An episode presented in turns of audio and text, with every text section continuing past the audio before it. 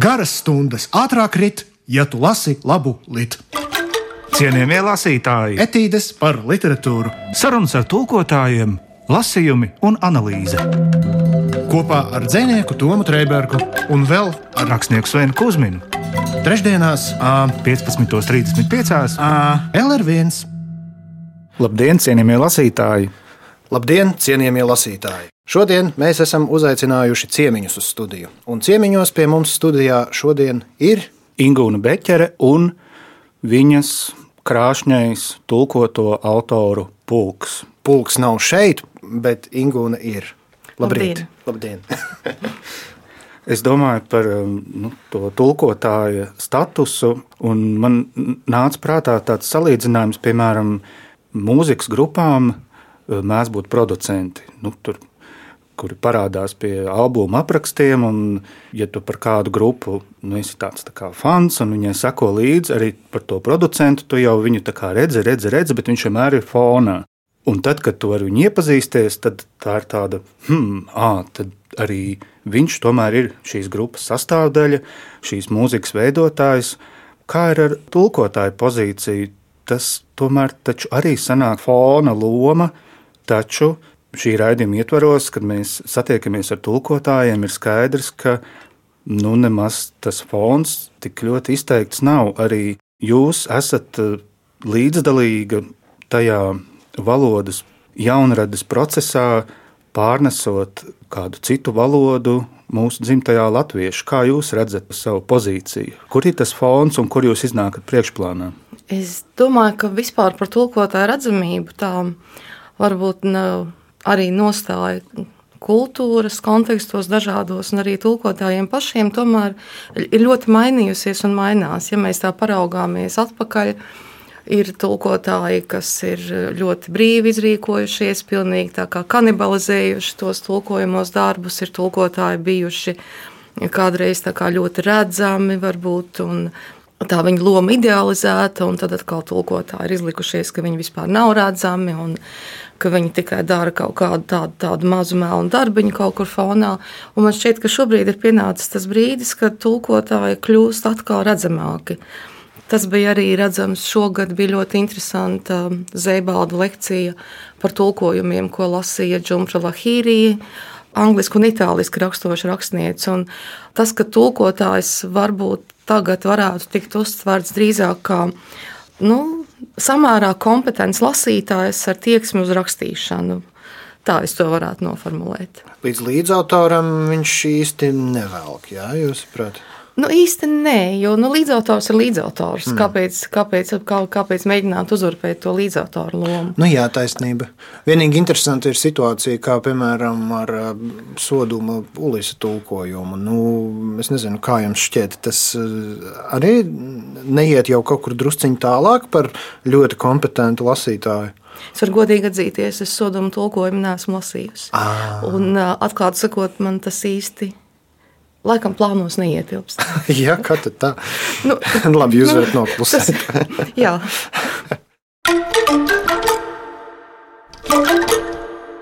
Tūkotājs ir savā ziņā arī tāds um, kultūras vēstnieks. Jūsu gadījumā tas droši vien ir um, īpaši izteikti, vai ne? Un ņemot vērā, ka viens no galvenajiem jautājumiem šodienai kaut vai ir par to, ka jūs esat tulkojis Haruki Murakami darbus latviešu valodā, visa cita starpā. Haruki Murakami pārstāv laikmatīgo japāņu kultūru, vai ne? Šobrīd. Kāds darbs no jūsu puses ir jāiegulda, lai tas būtu saprotams šejienes kontekstā? Jā, es esmu daudz murakami tulkojusi. Tā nav tikai mana personiska izvēle, tā ir arī izdevēja izvēle. Jo es jau varētu tulkot nezinu ko, bet, lai tas tiktu kaut kur lasīts, tad ir jābūt izdevējiem, kas ir gatavs to izdot. Un Murakami ir uh, kļuvis iemīļots latviešu lasītāju vidū, un tāpēc, acīm redzot, arī tas ir interesanti izdevējiem. Es ne, nevarētu dzīvot tādā ziloņkāla tornī un tulkot, un tad uh, nu, cerēt, ka kāds to izlasīs, kaut kur atradīs tādās noput, pat noputējušās atvilknēs, tagad kaut kādā cietā diskā. Bet uh, par Murakami es domāju, ka Murakami nav tik ļoti ļoti nesaprotams. Viņš tomēr ļoti ir orientējies arī uz tādu amerikāņu kultūru. Vismaz man tā šķiet, ka tā nu, piepūle lai padarītu viņa darbus saprotamus vai izlasāmus, es, es nedomāju, es nepārspīlētu to savu nozīmi šajā ziņā.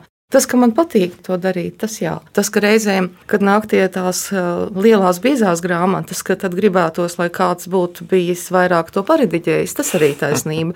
Bet man joprojām tas, kā man savulaik ļoti patika aitas medīšanas piedzīvojums, es Murakami arī tos varbūt garākus gabalus vienmēr piedošu tāpēc. Un arī tām mazām epifānijām, kas viņa darbos, ir tādas ļoti interesantas, tādas kādas, nu, maģiskā realisma varbūt noskaņas noskaņās, un arī tās mazās aitu vīru grāmatiņas, kur aitu vīrs arī šajā savādajā bibliotekā parādās. Man tas vienmēr izlīdzina varbūt kaut kādus arī tādus varbūt garlaicīgākus brīžus, kas katra tulkotāja darbā ir.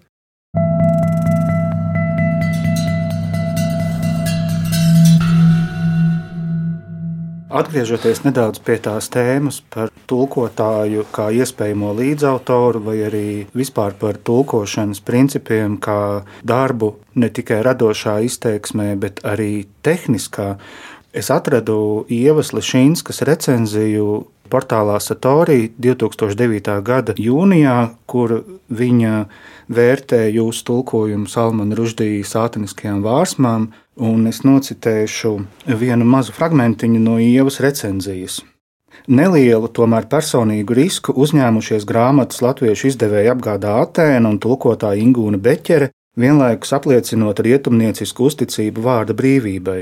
Tiesa gan tulkotāja vārda brīvība nekad nav pilnīga, jo viņš cieši piesiet pie oriģināla teksta, tikai no paša talanta atkarīgs, cik šī saite smalka, raupja, mezglaina, cieši nostiepta un vai vispār redzama. Tulkotājai par godu jāsaka, ka šis pavisam noteikti ir viens no viņas labākajiem darbiem. To lasot, gandrīz ne uz brīdi neuzmācas jebkuram oriģināla valodas pratējam raksturīgais, bet ļoti kaitinošais un nogurdinošais ieradums attulkot atpakaļ, kas piemeklē katru reizi, kad tulkojums nelasās raiti vai pilns ar dažne dažādām dīvainībām, kas lec un grauž acīs.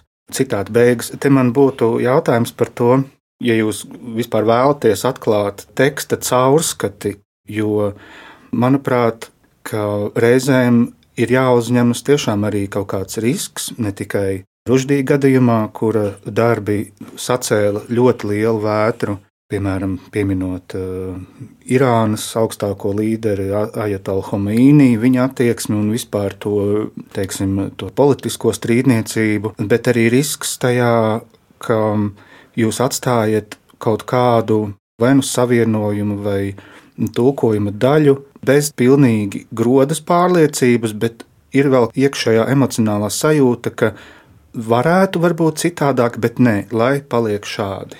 Man nesen vienā sarunā kaut ko līdzīgu vaicāja tādu profesionālu kolēģi, un uh, tā mana atbilde bija, ka tad, kad no ir iztolkots un lasīts un pārlasīts un varbūt uzlabots, un tad ir viena tā sajūta, tam darbam ir jāļauj iet, jo citādi tas pārvērtīsies no nu, tādā kā audzināšanas terminos, tas pārvērtīsies par pāraprūpi, ka ir jāļauj tam tekstam iet un, un jādzīvo sava dzīve. Un savukārt par ruždīju un arī par vārsmām un vēl divas grāmatas Ruždijas esmu tulkojusi. Man jāteic, ka man ir ļoti palīdzējis tas, ka ir bijis grūti tulkot ar visām tām reālijām, un tas, kas ir jāmeklē un jāsaprot, pie vārsmām ļoti palīdzēja. Tas bija arī tāds, nu, tās tulkošanās, varbūt vienošanās pamatā. Karstens Lomholts, Atēnas uh, dibinātājs un īpašnieks viens no, jo viņam bija pamatīgākas zināšanas tad, nu, par Indijas kultūru, un tā, teiksim, ka es zināju, ka kāds būs paskatījies no tās puses arī, arī, arī tajā tekstā. Bet man ļoti palīdz tas, ka Ruždijs ir stāstnieks.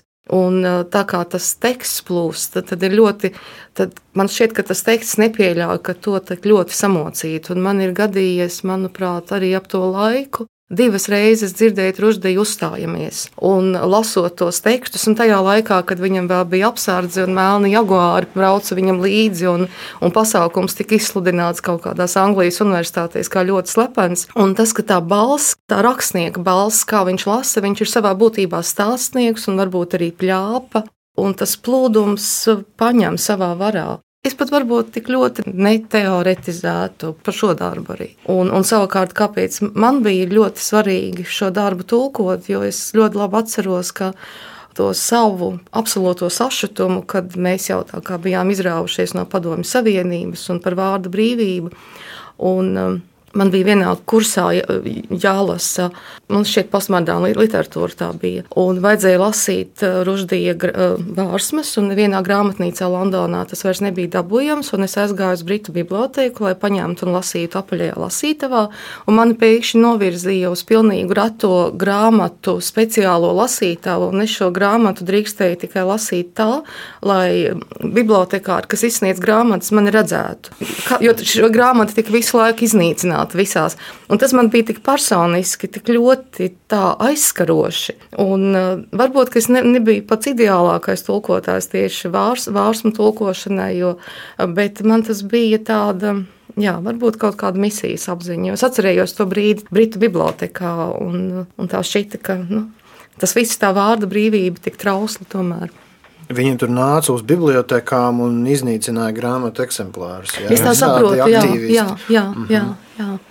Un tas man tāds arī nu, viena no tādiem, nu, tā brītu apaļajā, bibliotekas apaļajā lasītavā vairs neviens nelasa, bet uh, tas vairs tā to neizmanto. Bet man tās atmiņas par to, ka bija jāiet augšā un jālasa stingrā uzraudzībā. Nu, tas ir iespaidīgs stāsts. Jā. Cienījamie lasītāji, pie mums šodien ciemos tūkotāja Ingūna Beķere. Un, uh, Ingūna, kas ir šīs grāmatas, ko jūs atnesāt mums? Es atnesu trīs grāmatas. Man bija diezgan grūti izvēlēties. Bet eh, tad es iedomājos, ka varbūt jāpaņem kaut kas tāds, kas sasaucas ar tiem darbiem, ko es šobrīd daru, vai arī kaut kādām pārdomām, kas šobrīd man ir personiski aktuāls. Nu, viena ir savādā biblioteka, Murakami grāmata, kuru mēs jau faktiski apspriedām, ka mazie, tie mazie formāti viņam padodas vislabāk. Un, uh, man arī ļoti patīk šie mazie formāti, un man patīk tā šķietamā vienkāršība un tāds, tāds stāstījums par bērniem, ne par bērniem, par aizmirstām brūnām, lab, labu sādas kurpēm kaut kādā it kā nereālā vietā. Un tad vienā brīdī saprotu, ka tā grāmata jau ir par to, nu, par attiecībām ar māti, un varbūt ar attiecībām ar māti, kad viņas vairs nav. Jo tajā grāmatā visu laiku ir tāds, tā, ka mani tā audzināja, un mana māte man vienmēr tā audzināja. Nu, par tādām kārtīgām lietām, kā kā vajag grāmatas laikā atdot, un kā to vajag darīt, un to. Un tad visam tam savārptajam, tam maģiskajam, tam dīvainajam, tā mazā tā stīdziņa tā iziet cauri. Nu, tā man viena tāda mīļa grāmata. Gluži kā Marcinam Viham ar lietām, kuras es neizsviedu. Ah, jā, arī jā, jā. tur tāda līdzība ar, ar, ar ne tikai mātes, bet vispār šo vecāku aiziešanu, ko mēs aplūkojam vienā no raidījumiem. Jā, kas ar kaut kādiem priekšmetiem turpina saglabāties. Jā. Tas bija vareni aizkustinoši. Ka, Kazuo Išiguro. Išiguro, jā, nu, Murakami, tātad, es arī tikko esmu pabeigusi Murakami tādus stāstu krājumiņu, kas būs arī, kur arī tāda maza skaista gabaliņa būs mm. iekšā. Viens skaidrs pirmā persona būs tāds stāstu krājums. Tā saucas, ja? Jā, jā tas, būs, tas būs arī. Nu, Išiguro, protams, Te mums, mēs varam lepni teikt, ka tas ir Nobela prēmijas laureāts, bet arī Bukara prēmijas laureāts. Un uh, šo es esmu tulkojis labu laiku atpakaļ, dienas atlikusī daļa. Protams, ir grūtāk par to tagad runāt, jo tā filma ar Antoniju Hopkins un Emu Thompsonu ir kaut kā pārklājusies vizuāli pāri tai grāmatai. Man tā grāmata ir ļoti patikusi arī tāpēc, ka tur ir tāds ļoti izteikts um, neusticamais stāstītājs, jo visu, ko viņš šis varonis mums stāsta, mēs varam mazliet apšaubīt, jo tā, tā jau ir tāda izdomātā versija par savu dzīvi, lai kaut, kā, kaut ko attaisnotu, kaut ko sakārtotu. Nu, tā, tāds narratīvs, un kas man ļoti patīk, arī šī guro, un tas sasaucas ar grāmatu, pie kuras es tagad strādāju, kas ir šī guro jaunā grāmata Klāra un Saule.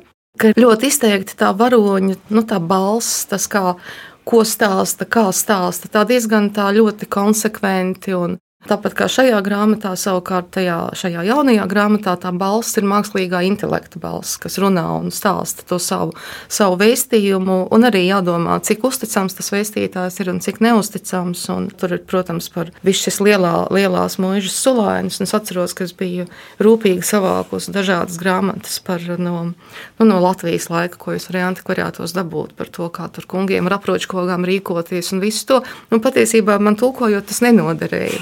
Kā kā fons man, man, man patīk tā kolekcija. Nu, Arī. jā, lai iejustos kaut kādā mm, tajā Greislendas stikla lodītē, nu, jā, apmēram. Jā, jā tāda. Bet, bet arī tā, tas, ka tas ir, ka Išigoro prot to vienu balsi izveidot, to, to runātāju un, un tā, to apziņu kaut kādā veidā pat tekstā. Nu, To es varu par, par to Išiguro pateikt šobrīd. Bet Man... kā tad vajag rīkoties ar aproču, aproču pogām? Nu, tev taču ir, man jau nav. Nu, spodrināt vajag sudraba aproču pogas. Spodrināt, jā, ar zobu pastu. Man liekas, es vienīgais cilvēks, kur es pazīstu, kuram ir aproču pogas. es neesmu viņus spodrinājis ar zobu pastu. Bet man šķiet, ka ar zobu pastu to gan nedrīkst teikt. Ar sodā, ar. Sudrabu jau drīkst, man šķiet. Nu, to mēs tagad tā atļaujamies. À, mm. Tā pret sudrabu izturēties. Bet man šķiet, ka tur bija. Es vairs neatceros. Bet baroniem nebija zopas. Bet bija īpaši, bija, bija īpaši maisījumi, bija īpašas pastas. Man nav īpaši pasta, diemžēl. Viņi taču ākstās. Uh, tas taču ir viss, ar ko viņi nodarbojas.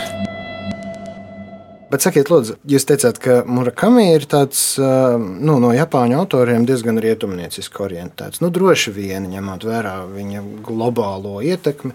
Kaut gan es atceros, viņam bija kaut kādi agrīnie darbi, ko es esmu lasījis krieviski, pat latviešu. Domāju, ka nemaz viņi nav iztulkoti.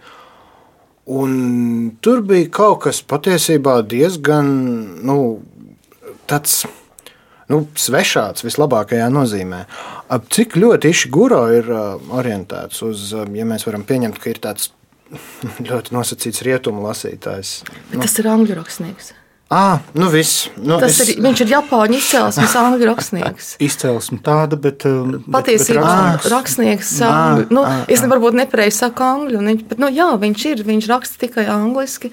Un man šķiet, à. no tā visa, ko viņš rakstījis, ir, ir tikai viens romāns, kas ir bijis nu, Japāņu. Tad jautājums tēmām. ir atcelts, jo es tiešām neko nezinu par šo autoru. Jā, jā nu, viņš tā maldinoši, maldinoši, protams. Jā, jā. Atkal neusticams šitas te. Nu, global, globalizācija globalizācija. Man liekas, tāda interesanta nianses, ko es varu piebilst Išiguro sakarā, ka jau nu, diezgan ilgus gadus kopš sociālie tīkli mums ir pieejami. Tur un citur kaut kādās domu biedru grupās, vai arī kāds cilvēks vienkārši vēlas padalīties ārpus kaut kādām šīm te tematiskajām grupām, nu, teiksim, par kaut kādām piecām vai desmit nozīmīgākajām grāmatām. Uh, Un ilgu laiku šie grāmatu saraksti bija nu, daudz maz nemainīgi. Tevis pieminētais Sulis, tad, protams, Bulgāko mēsters un Margarita. Mhm. Tad, tur, Gan jau Dostojevskis kaut kāds nebūs. Kādam arī straumēni. Un tā laika gaitā skatoties, kā cienījamie lasītāji dalās ar savu patiku, es pamanīju, ka vienā brīdī tieši dienas atlikusī daļa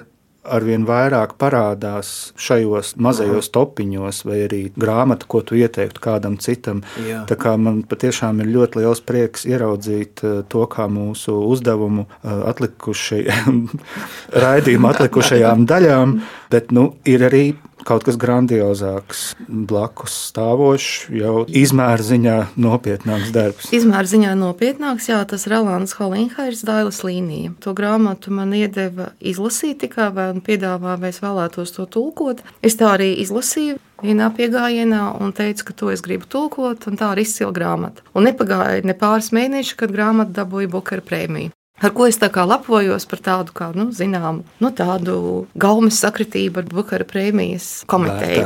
Jā. Mm. Jā, bet kāpēc šobrīd šī grāmata? Varbūt pat nav vērts runāt par slimībām, kā metaforām un, un to visu, bet tieši šobrīd, šajā periodā, kas ir iestājies, Šī grāmata, protams, ir, nu, ir 82. un 87. gads Londona tečeres laiks. Un visā tajā šī aids un HIV epidēmija, kas nāk aizvien tuvāk un aizvien tuvāk un, un aizvien jūtamāk. Un es, es šo, šobrīd lasu Dereka Džārmana dienas grāmatas, gan es sāku lasīt, tāpēc, ka man ļoti interesēja tas, ko cilvēki raksta par saviem dārziem un viss par to viņa dārzu, ko viņš veidoja savos mūža pēdējos gados. Un tas ir ļoti līdzīgs kaut kāds posms, un, tas, un nu, varbūt nu, šeit mēs to tā neizjutām tajos gados, bet tur nu, kā, tā, kā tā slimība paņem cilvēkus, nāk aizvien tuvāk un nežēlīgāk. Un arī šeit tas ir jūtami. Nu, arī, arī šajā laikā es tā iedomājos par to, cik ļoti arī literatūra ir saistīta ar, nu, ar medicīnas vēsturi. Nu, nekad nebūtu mums burvju kalna bez tuberkulozes. Jā, Uh, nu, tāpat arī, ja mēs paraugāmies uz visu mūsu folkloru, uz sērdienītēm, uz bārinīšiem, nu, tas viss ir maidzemdības antisanitāros apstākļos lielā mērā. Nu, nu, Vitamīnu tāds, trūkums. nu, arī tāds. Es, es, varbūt, protams, es varbūt, protams, tagad vulgarizēju arī kaut kādā mērā, uh, bet tā, tas, cik, cik ļoti tā. Nemaz tā, nu, tā, tā miesa un tā miesiskā dzīve nav tik nošķirta no, no kaut kāda. Nu, un arī ļoti ietekmē, ietekmē kultūru. Mēs, protams, varam runāt par dekameronu un tādiem nu, mēru laikiem, bet, bet šis jau ir tāds, tāds pat tik ļoti savijies, ka to, to, to nevar nodalīt. Un, Un man, man, nu, man ļoti lika, likās interesanti arī, kā, kā viņš kā šās autors vēro sabiedrību. Un, nu, mazliet tāds varbūt kaut kāds tāds modernais Henrijs Džeims tā, savā skatījumā uz, uz cilvēkiem un, un spējā novērot.